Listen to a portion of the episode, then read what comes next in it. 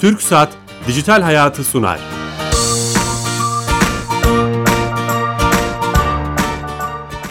Herkese merhaba ben Bilal Eren. Teknoloji ve dijital çağın hayatlarımıza etkilerini konuştuğumuz Dijital Hayat programımıza hoş geldiniz. Her cuma saat 15.30'da bir başka konu ve konukla kulaklarınıza misafir olmaya devam ediyoruz. Bu hafta ortaya çıkan bir skandal üzerinden akıllı telefon uygulamalarında kişisel güvenlik mümkün mü sorusunu e, konuşacağız. Bunun cevabını arayacağız. Çok değerli bir konuğumuz var. Siber güvenlik uzmanı Mahir Yüksel. Şu an stüdyo konuğumuz. Mahir Bey hoş geldiniz. Hoş bulduk Bilal Bey. Şeref Nazik verdiniz. davetiniz için sağ olun. Teşekkürler. Ee, çok sevindik ve bu e, bu soruyu can alıcı soruyu beraber cevaplamaya çalışacağız. Ama öncesinde sponsorumuz her hafta olduğu gibi sponsorumuz TürkSat'a bağlanıyoruz ve kamunun bütün hizmetlerini dijitalleştiren Türkiye Gov.tr yeni ismiyle Dijital Türkiye e, hizmetinden bir servisi e, bir uygulamayı Fatih Çiçek'ten dinliyoruz. Fatih Bey telefon attığımızda. Fatih Bey Merhabalar Bilal, Bilal Bey iyi yayınlar diliyorum. sağ olun hoş geldiniz yayınımıza. Teşekkür ederim çok sağ olun. Bu hafta hangi hayatımızı kolaylaştıran hizmeti bize anlatacaksınız? Ee, bu hafta açtığımız hizmetler var ama dilerseniz e, bir sonraki hafta e, anlatın. Ben bir bilgi vermek istiyorum. Tamam. Bizim için önemli bir aşamaya geldik. Bunu da hem sizlerle hem dinleyicilerimizle paylaşmak istiyorum. Ee, geçen sene 2019 yılı toplam giriş sayısı 1 milyar 180 milyon iken şimdi Kasım ayının bugün itibariyle 2 milyar toplam giriş sayısına ulaştık. Ee, bu e-devlet kapısındaki kullanımın ne kadar çok arttığını ve kullanıcıların, vatandaşların ne kadar çok e, e-devlet kapısında işlem yaptığını gösteren bir rakam. Ee, 2 milyar kullanıcıya ulaşmamızın birçok sebebi var. Bunlar işte 2020 yıl içerisinde doğalgaz, elektrik, su ve kanalizasyon gibi katma değer hizmetlerinin entegre edilmesi, araçların konsept hizmeti gibi e, hizmetlerin entegre edilmesi ve e, pandemi döneminde pandemiye yönelik hizmet entegrasyonunu gerçekleştirmiş olmamızın etkisi çok büyük. E, bizim için önemli bir adımdı, önemli bir kilometre taşıdı 2 milyar giriş sayısı. E, inşallah önümüzdeki seneler bu sayıyı daha da arttırmış olacağız. Yani 2 milyar kez kullanılmış değil mi? Hizmetler 2 iki- milyar giriş yapılmış. Giriş evet, yapılmış. içerideki hizmet kullanım sayıları daha fazladır ama 2 milyar giriş girişe ulaştık dün itibariyle. Ha tabii e, bir kullanıcı e, içeri girip birkaç hizmet alabilir. E, Tabii, e, o, tabii o ayrımı evet. yapmanız çok önemli. 2 milyar kere giriş yapılmış. Tabii şeyler çok arttı sunulan hizmetler. E, özellikle pandemi döneminde de bunu e, bizzat sizlerden de dinledik. Emeğinize sağlık. Çok teşekkürler. Ben teşekkür ediyorum. İyi yayınlar diliyorum. Sağ olun, teşekkürler. Evet, TürkSat'a bağlandık. İlginç ve e, önemli bir kilometre taşı olarak niteledikleri bilgiyi de kendilerinden dinledik. Yeni katılan dinleyicilerimiz vardır. TRT Radyo 1 mikrofonlarında kulaklarını bize veren dinleyicilerimiz vardır. Siber güvenlik uzmanı Mahir Yüksel ile beraber stüdyo konuğumuz e, akıllı telefon uygulamalarında e, kişisel güvenlik mümkün mü? Bu soruyu konuşacağız. Şimdi bu hafta ortaya çıkan e, e, belki bu konuyla ilgili olan insanlar mutlaka görmüşlerdir. İnsanların kıble bulmak için, namaz vaktini bulmak için, e, e, görmek için indirdikleri çok masum bir uygulama. E, hem Apple hem Android telefonlara. Bununla ilgili bir skandal ortaya çıktı ve ABD ordusunun bu anlık konum bilgilerini adam yani namaz kılmak için kıble nerede diye ararken e, işte herhangi bir yere gittiğinde diyelim evinden uzakta ofisin uzakta o açtığı an arka tarafta konum bilgisi bir yerde kaydediliyor ve Pen- Amerika ordusu Pentagon bunu böyle iddialar ortaya çıktı. Evet. E, bu da çok dehşete düşürücü bir şey tabii. Buradan başlayalım mı o, o bu kötü hikayeden? Evet çok iyi olur. Yaşanmış kötü örnekler e, yakın zamanda sizin de söylediğiniz e, ismini e, zikrettiğiniz Mazin Pro isimli bir uygulama. Bu uygulamaya benzer farklı uygulamalar da mevcut. Aslında bu noktaya gelmeden önce şunu değerlendirmek gerekiyor. E, eskiden işte cep telefonları akıllı değildi. Yani bundan 15 sene öncesinden bahsediyoruz ama son 15 senelik süreçte ciddi bir dönüşüm söz konusu ve artık cep telefonları yani modern bilgisayarlar aslında çünkü üzerindeki işlemci, e, üzerindeki çekirdek aslında bir bilgisayarla eşdeğer. Yani biz cebimizde aslında bir bilgisayar taşıyoruz. Öncelikle buna telefon demek belki e, yanlış olabilir. Buna akıllı bilgisayar Değil, evet, diyebiliriz. Bu e, telefonların üzerinde çalıştırdıkları uygulamalar, çalıştırdıkları servisler, bunlar tabii bunların üzerinde izinler falan var. E, bunu değerlendirmeden önce şunu söylemem gerekiyor. Şimdi bir telefon kullanacaksanız, e, bir telefon kullanıcısıysanız ve yeni bir telefon alacaksanız veya iki tane seçeneğiniz var. E, alanı daraltalım. Bu nedir? Birincisi ya bir e, iOS işletim sistemi dediğimiz iPhone kullanıyorsanız e, bir iOS işletim sistemine sahip bir telefon kullanmak zorundasınız ya da bunun dışında kalan telefonlar ağırlıklı pazarda %90-92 civarında istatistiklerde Android e, işletim sistemi e, ve bunun dışına kalan farklı işletim sistemleri de var ama biz netice itibariyle büyük pazar bu ikisine büyük ait. pazar bu ikisine ait. Dolayısıyla uygulama geliştiriciler, ürün geliştiriciler de bu iki işletim sistemini kullanan ve bunun üzerinde çalışan telefonları kullanan kişileri hedefliyor. Tabi burada reklam hedeflemesi var. Burada veri hedeflemesi var. Bunları ayrıştırabiliriz ama biz bizi tehdit eden kısmını konuşacak olursak örneğin Mazin Pro'dan Evet, e, çok iyi olur. yol açarak e, gidelim. Belki şunu da ekleyebiliriz. O, bu telefonların en ucuzlarında bile sensörler var değil mi? Işığı, yönü. Zaten kendisi cihazın kendisi hiçbir yazılım indirmeden yani uygulama indirmeden birçok bilgiyi toplayan sensörler var içinde. Adeta bir e, veri toplama makinesine de dönüşmüş oluyor. Evet, O yani- hizmetleri bu telefonun kendi özelliklerini kullandırmak için tabii ki. Tabii ki yani mesela siz kullandığınız telefonu tamamıyla tanımıyorsunuz aslında. O telefonun üzerinde yükseklik yani irtifa sensörü bile olan telefonlar var nihayetinde. Yani siz merdivenden kaç adım atarak çıktınız? İşte merdivenden mi çıktınız, yürüdünüz mü, arabayı park ettiniz mi? Bunları anlıyor. Bunları bu sensörlere dayanarak Karanlıkta mısınız, anlıyor. aydınlıkta Tabii mısınız? karanlıkta mısınız, aydınlıkta mısınız? Yani insanların e, makinayla olan etkileşimini en ideal seviyeye getirmek için aslında insanlığa hizmet etmek için tasarlanmış sensörler bunlar. Ama burada işte risk faktörü nedir? Buradaki risk faktörü şudur. Kullandığınız uygulamalar e, sizden bu telefonun topladığı verileri e, izinsiz bir şekilde alıyorsa ve işliyorsa veya siz buna bir şekilde izin verdiyseniz biz aslında bunu 3 parçaya ayırıyoruz. Buradaki bu izin ve kullanma meselesini 3 eşit parçada değerlendiriyoruz. Bu nedir? Birincisi siz bir uygulama kullanmak zorundasınız. Yani toplumsal iletişimi sağlamak, kişiler arası iletişimi sağlamak nedir? Anlık mesajlaşma uygulaması. Mesela şunu diyebilir misiniz? Ben WhatsApp kullanmayacağım. Diyebilir misiniz? Diyemezsiniz. Neden? Çünkü çevrenizdeki herkes WhatsApp kullanıyor. Tabii ki biz bunların yerine daha işte yerli ve milli dediğimiz uygulamaların kullanımının artması taraftarıyız ama neticede burada bir kullanım bağlılığı var. Yani Kültürü var. toplumun tamamı veya işte Amerika kıtasındaki bir akrabanız WhatsApp'tan haberleşiyorsa WhatsApp'ın kurulu olması gerekiyor gibi. Bu bir alt kültür oluşturuyor aynı zamanda.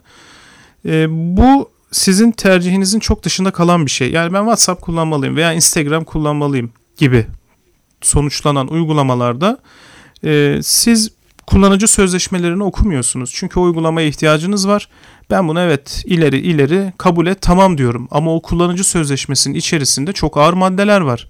Mesela bir tanesine örnek vermek istiyorum. Gençlerin arasında çok yaygın olan, genç kitlenin diyelim arasında çok yaygın olan bir uygulama var. Snapchat isimli. Bu arada tabii bunların reklamını yapmıyoruz. Bunlar Evet bir kere söyleyelim. için. Fazla Evet. söylemeyelim. Tamam. Ee, mesela bu uygulama e, kullanıcı sözleşmesinde şunu söylüyor. Diyor ki siz bu uygulamaya bir resim yüklediğinizde veya bir video yüklediğinizde veya bir kısa bir video yüklediğinizde ben bunu e, gazetecilerle, gazetelerle özür dilerim gazetelerle, medya organlarıyla, basınla veya dijital reklam servisleriyle paylaşabilirim. Bu şu demek siz internette gezerken bir gün elinde işte bir içecek markasının e, reklamı olan yüzü monte edilmiş sizin resminiz kullanılmış bir reklamla karşılaşabilirsiniz demek. Yani bunların en Sözleşmede masum bunu yazmış. evet sözleşmede bu var. Bu Peki uygulamanın sözleşmeyi sözleşmesinde okuduk. bu var. Yani sözleşmeyi okumanın e, o uygulamayı kullanıp kullanmamakla artık bir ilgisi var mı? Ee, yok aslında şöyle yani. burada e, zorunlu bir seçenek var. Evet. Kabul et. Başka Reddet seçenek seçeneği reddettiğiniz zaman bu uygulamayı kullanamıyorsunuz. Tabii bu sizin artık iradenizin dışına çıkıyor. Çünkü artık bu uygulama sizden veri toplamaya başlıyor. Ama sizin kullanıcı olarak burada yapabileceğiniz şeyler var. Tamam siz bu uygulamayı kullanacaksınız ama bu uygulamayı da siz yönetebilirsiniz. Bu ikinci kısım? Hani üç, Evet. üç ayaktan O bahsediyoruz. aşamaya geçiyorum. Şimdi ikinci aşamada da şu var. Mesela e, isim vermeden bir e, uygulama örneği verelim. Diyelim ki bir saat uygulamasına, alarm uygulamasına ihtiyacınız var. Alarm uygulaması saate erişmek zorunda ve bu içinde de saat olsun. E, ve bu saatin sizin bulunduğunuz ülke, bölgeye göre bir e, saat şeyi yapması gerekiyor. Yani Konuma şu an ihtiyacı işte var. İstanbul'da saat şu an 15.42. Londra'da 18 Evet, atıyorum. Londra'da 18.42 gibi. Peki bu uygulamanın sizce sizin telefonunuzun konum verisine erişmesine ihtiyaç var mı? Var. Aslında şöyle var. belki şunu yapabilir. Ya bir kere evet konumuna bir kez izin ver ondan sonra almayacağım diyebilir. Bunu da bilemeyiz arka tarafındaki algoritmada nasıl işlediğini. Ama telefon bize bunu söylüyor. Diyor ki mesela bu uygulama senin konumunu kullanıyor. Aslında bu e, ayardan onu kapatabiliriz. Evet, ayarlardan şunu diyebiliriz. Mesela net olarak söyleyelim. iOS kullanıcıları şunu yapabilir. Uygulamayı kullanırken izin ver. Her zaman izin ver ya da bu uygulama için kapat diyebilirsiniz. Neden? Çünkü bu uygulama telefonda çalıştığı süre boyunca arka tarafta sizin konum bilgilerinizi toplamaya devam ediyor. Aslında siz her gün yer değiştirmiyorsunuz. İstanbul'dan Londra'ya, Londra'dan Singapur'a gitmiyorsunuz. Ee, konumunuz sabit. Bir kere alması yeterli. Bunun gibi örnekler. Veya Müzlim Pro'da bu Mazlim Pro'da bunu yapmıştı. Aynen bunu yapmış. Ee, siz kıbleyi bulmak için işte yönünüze ihtiyacı var. Bu yönü de tabii sensörlerle kullanıyor. Ama yön bilgisine ihtiyacı olmadığı durumlarda da sizin hangi yönde olduğunuzu, nereye hareket ettiğiniz bilgisini topluyor. Bunun dışında yani coğrafi konum bilgisinin dışında uygulama e, o bölgede işte hareketlilik yani sizinle birlikte uygulamayı kullananların hareketlilik bilgisini de toplayıp Kimlerle analiz edebiliyor. Ve analizler. Evet. Ne yapmışlar Kimlerle sonra? bir araya geldiniz? İşte işin en ilginç kısmı burası. Bu uygulama biz bunu e, aslında buna benzer bir şey Cambridge Analytica'da Facebook üzerinden görmüştük. İşte seçimlerde bu verinin kullanılıp işlenmesi bunu görmüştük. E, bu belki bir son kullanıcı için risksiz bir şeydi. Tabii ki siyasi kimliğinizin işte tercihlerinizin ön plana çıkarılıp manipüle edildiği bir şeydi. Bu da riskliydi ama burada insan hayatını doğrudan tehdit eden bir faktör var. Korkunç iddialar var. Korkunç iddialar var. Yani Amerikan e, Özel Kuvvetler Komutanlığı'na Pentagon'un bu verileri verdiği yani satın alıp o şirketten bu verileri verdiği ile ilgili bir e, bilgi var. E, peki mesela Amerikan Özel Kuvvetler Komutanlığı bunu nerede kullandı? Bununla da ilgili şöyle bir iddia var. Afganistan'da doğrudan ülke bilgisi de var. Afganistan'da bazı sınır ötesi operasyonlarda Afganistan'da bu veriye dayalı kişilerin yani o işte hedef olarak gördükleri kişilerin Müslümanların hatta böyle diyebiliriz. Terörist, ee, tırnak içinde terörist olarak gördüklerini. Evet tırnak içerisinde terörist olarak gördüklerini e, hava harekatlarıyla falan. Direkt hava, hava harekatıyla konumunda bulunduğu yerde o kadar tehlikeli. E, bu direkt insan hayatını etkileyen bir durum. Ama Onun bunu, için çok tehlikeli. bunu saklamıyor da gördüğüm kadarıyla. Yani biraz okumaya çalıştım. Evet. Bunu açık açık hani ordu yetkilisi açık açık bunu söylemiş. Yani Zaten alıyoruz demiş. E, bazı uygulamaların sözleşmelerinde şunu görürsünüz. E, Amerikan devleti kurumlarıyla paylaşılacaktır. Bu izni veriyorsunuz diyor zaten. Şimdi üç parça demiştik ya. Birinci parçada evet siz bir uygulamayı kullanacaksınız ve bazı şeylere izin vermek zorundasınız. İkinci parçada e, iradenizin dışına çıkanlardan bahsetmiştik. Üçüncü parça ve en tehlikeli olanı ne sizin ne de uygulamayı geliştiren şirketin veya telefon üreticisi şirketin haberinin olmadığı ve devlet destekli siber suç örgütleri dediğimiz casusluk şebekelerinin telefonlarda, uygulamalarda buldukları zafiyeti istismar ederek. Yani bu, şöyle bu düşünün. Bu skandalı oraya mı koyuyorsunuz? E, bu skandalı kısmen oraya koyuyorum. Ama burada şu var. Veri satın alınmış. Yani, yani böyle bir istismar bu, yoluna gidilmemiş. yapan Singapur merkezi şirketin oradaki yazılımcı arkadaşları, girişimci arkadaşları tırnak içinde. Evet. Bu Amerika ordusuna vereceğiz namaz kılan adamın konum bilgisini. Tabii ki öyle bir şey yok. Öyle bir bilgi yok. Yani biz sizin bilginizi Amerikan ordusuna vereceğiz diye son kullanıcıya e, verilmiş bir bilgi yok. Yok onlar biliyorlar mı bunu acaba? Ee, yani şöyle yorumluyorum ben aslında. Şimdi bu son söylediğim başlık hiç kimsenin e, bilgisinin olmadığı bir senaryo. Yani uygulama geliştiren de bilmiyor işte Amerikan Özel Kuvvetleri'nin veriyi aldığını. Uygulamayı kullananın da dolayısıyla haberi yok. Bununla ilgili çok güzel bir örnek var. Yine insan hayatını tehdit eden faktörler. Yani biz aslında bugün vurguladığımız en önemli şeylerden biri belki bu. Kullandığınız cep telefonları konumunuzun tespit edildiği, telefon rehberlerinizin toplandığı, SMS'lerinizin okunabildiği ve kameranızın açıldığı. Kameranızın sizden habersiz açılabildiği, video çekilebildiği, telefonun ses kaydının açılabildiği, bu verilerin dışarıya herhangi bir yere gönderebildiği, bunun bazen süresiz telefon açık olduğu süre boyunca yapılabildiği senaryolardan bahsediyoruz. Dolayısıyla burada en önemli konu insan hayatının güvenliği, can güvenliğimizden bahsediyoruz. Konu bu kadar kritik. Bununla ilgili çok kısa bir örnek vereyim. E, ve bu üçüncü kategoriye giriyor.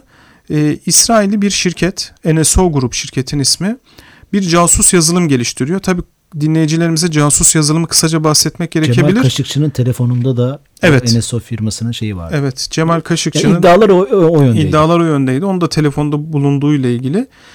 Ee, bu NSO isimli şirket Pegasus Spyware dediğimiz casus yazılım demek bu. Telefonunuza sizin telefonunuzun telefon geliştirici şirketin haberinin olmadığı bir şekilde sızma yöntemi buluyor.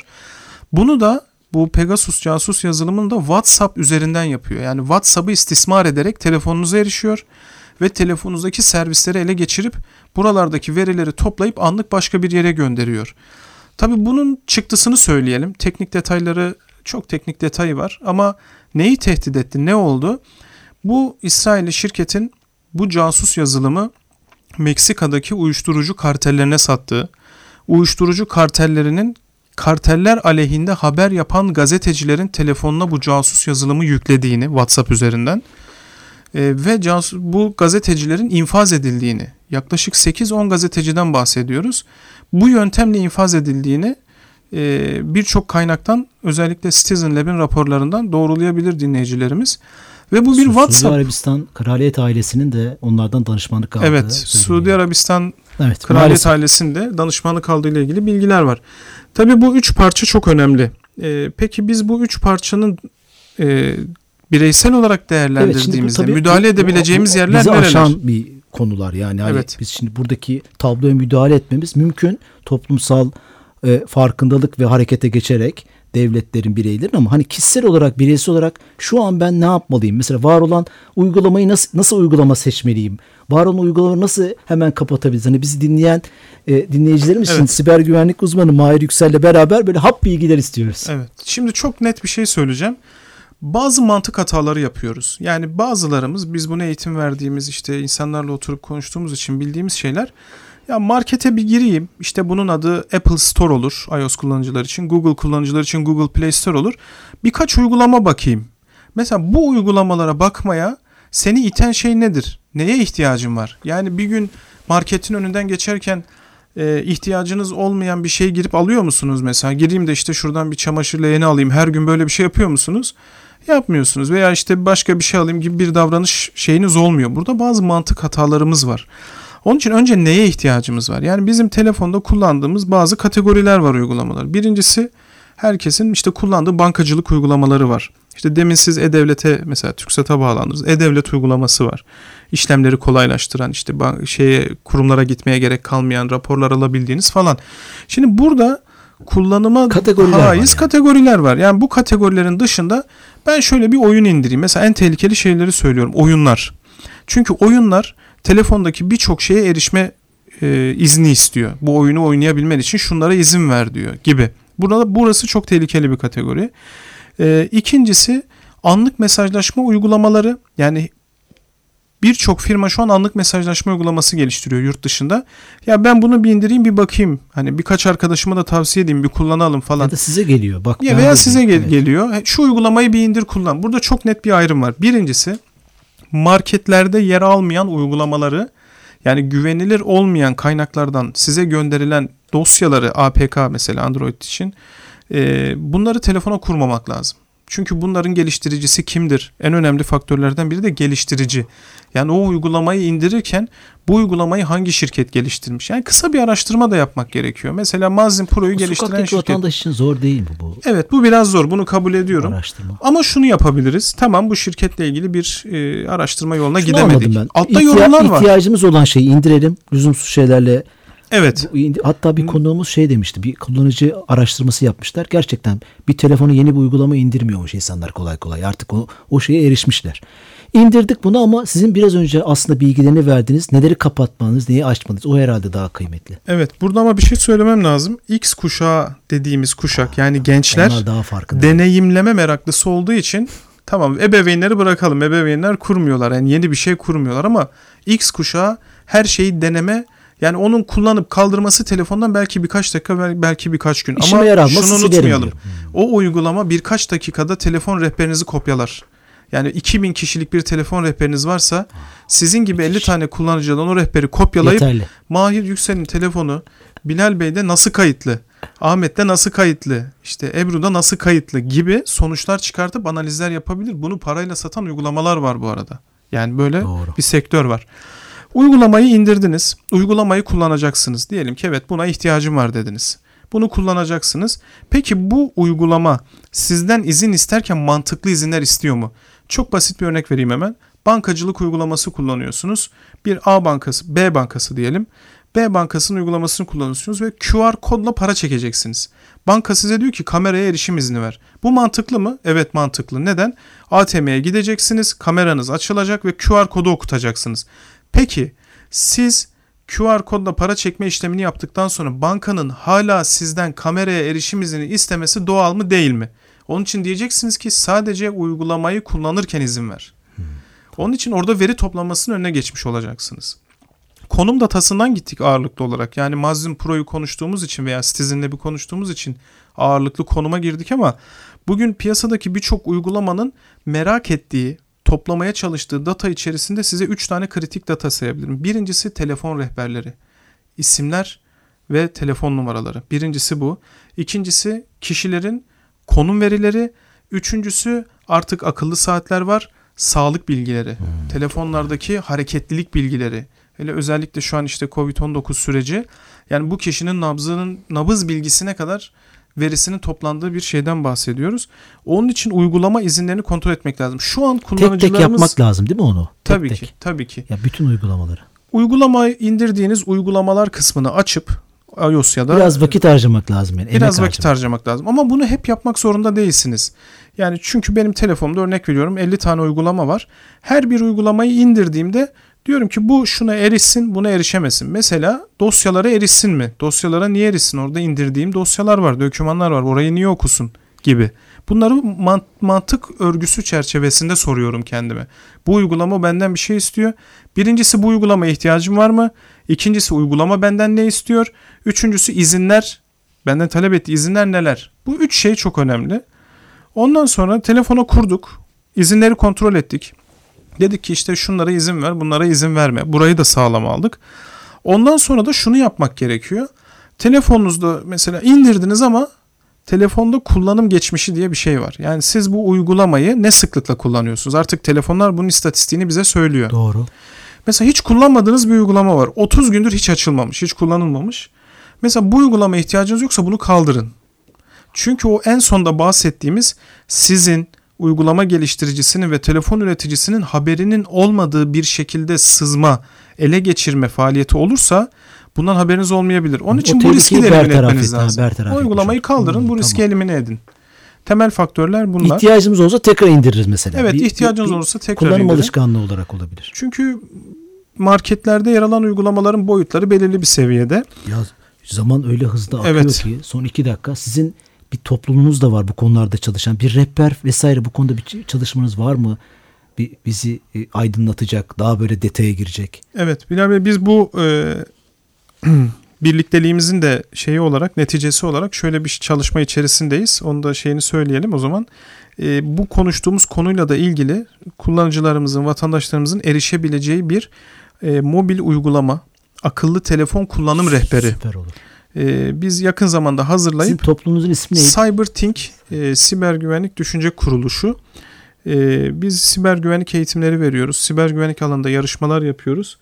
Bilgi güvenliği alanında farkındalık eğitimleri veriyoruz. Üç tane temel amacımız var. E, ülkemize faydalı olmak, bu kapsamda siber güvenlik uzmanları yetiştirmek. E, bu alanda yetişmek isteyen gençler bize ulaşabilir. Ben siber güvenlik uzmanı olmak istiyorum. Nasıl ulaşırlar? E, E, web site- cyberthink.org web adresini kullanabilirler. Cyberthink.org Twitter ve Cyberthink EN İngilizce olan Twitter hesabımızı Bir kullanarak yarışma düzenlediniz galiba. Battleware isimli bir yarışma O nedir? düzenliyoruz. Uluslararası bir e, yarışma. Bu Capture the Flag dediğimiz siber güvenlik alanında bayrağı yakala yarışması. Yani bir platform var. Giriyorsunuz orada sorular var. Soruları çözüp puan topluyorsunuz. Ve bu sorular sizin siber güvenlik yetkinliğinizi arttırıyor. İşte bir makine var o makineyi ele geçirmeye çalışıyorsunuz. Bir mobil uygulama var. O mobil uygulamayı analiz etmeye çalışıyorsunuz. E, bu teknikleri Bizi kullanarak dinleyen arkadaşlardan varsa meraklar katılabilir mi yoksa süresi doldu? Katılım maalesef şu an kapandı ama ilk yarışmamızdı bu. Bunun devamını yapacağız. Battleway.zone adresimiz. E, Cyberthink'in hesaplarını takip ederlerse biz e, oradaki eğitimler işte farkındalık e, çalışmaları biz ailelere de eğitim veriyoruz. Dijital dönüşüm ve toplumsal mahremiyet yani bugün konuştuğumuz konu gibi birkaç konu başlığında ailelere onları ve çocuklarımızı bekleyen tehlikeler hakkında eğitimler veriyoruz. Bunları Covid sürecinden önce fiziksel olarak okullarda yapıyorduk. Şu an online uygulamalar üzerinden yapıyoruz. E, bu kapsamda da yine okullar, liseler, e, talep edenler olursa bilgi güvenliği farkındalığı ailelere yönelik eğitimler verebiliriz. Bunlar tamamen ücretsiz, bilabedel yapılan çalışmalar. Kimseden bir ücret talep etmiyoruz. Ee, bir sivil toplum kuruluşu olarak. bekliyoruz ama ya. Çok bu rehberi güzel. inşallah Akıllı önümüzdeki telefon, hafta uygulama kullanım rehberi mi diyelim buna? Evet. İsmini Doğru siz koyun. Ee, Doğru kullanım rehberi. Evet. Çok ihtiyacımız var ama bizim anladığım kadarıyla bizim yapabileceklerimiz dışında gelişen şeyler de var. Evet. Buna hukuk müdahale etmeli, devletler müdahale Tabii etmeli. Tabii devletler belki. nezdinde gerçekleşen süreçler olmalı. Uluslararası siber hukuk diye bir çalışma alanı var. Yani bu alanlarda e, çalışmalar var. Buna da son bir örnek vermek Lütfen. isterim. Avrupa Birliği'nin 2018 yılında bir çalışması var. Der ki bir siber saldırgan Avrupa Birliği üye ülkelerinden birinin bir sistemine saldırı düzenlerse ve bu tespit edilirse bu kişi, bu kişi hayatının herhangi bir döneminde o ülke olmasa bile örneğin Almanya'ya saldırı düzenledi. Fakat Fransa'ya girdiği anda bu kişiyi Fransa devleti gözaltına alabilir. Onun için bu işin yani şimdi siber güvenlik uzmanlığı bu işi yapmak çok önemli. Bunun tanımını Ama, yapmış artık yani. Evet bunun tanımını yapmış. Yani bu uzmanlık alanlarının e, kritik çalışma başlıkları ve etik ilkeleri olmak zorunda. E, Bununla ilgili bir program yapmamız lazım. İnşallah. Ye, yetmedi 30 dakika. Evet. Çok konuşacak şey var Çok ama hap bilgiler ben. vermeye çalıştık. Ağzınıza İnşallah sağlık. faydalı olmuştur. Şeref verdiniz. Ankara'dan buraya da geldiniz. Çok teşekkür ee, ederim. Siber güvenlik uzmanı Mahir Yüksel'le beraberdik. Ee, akıllı telefon uygulamalarında kişisel güvenlik mümkün mü sorusunun cevabını aramaya çalıştık. E, bu programın kaydı yarın itibaren podcast ve YouTube kanallarımızda olacak. Haftaya yeni bir konu ve konukla beraber olacağız. İyi hafta sonları hoşçakalın.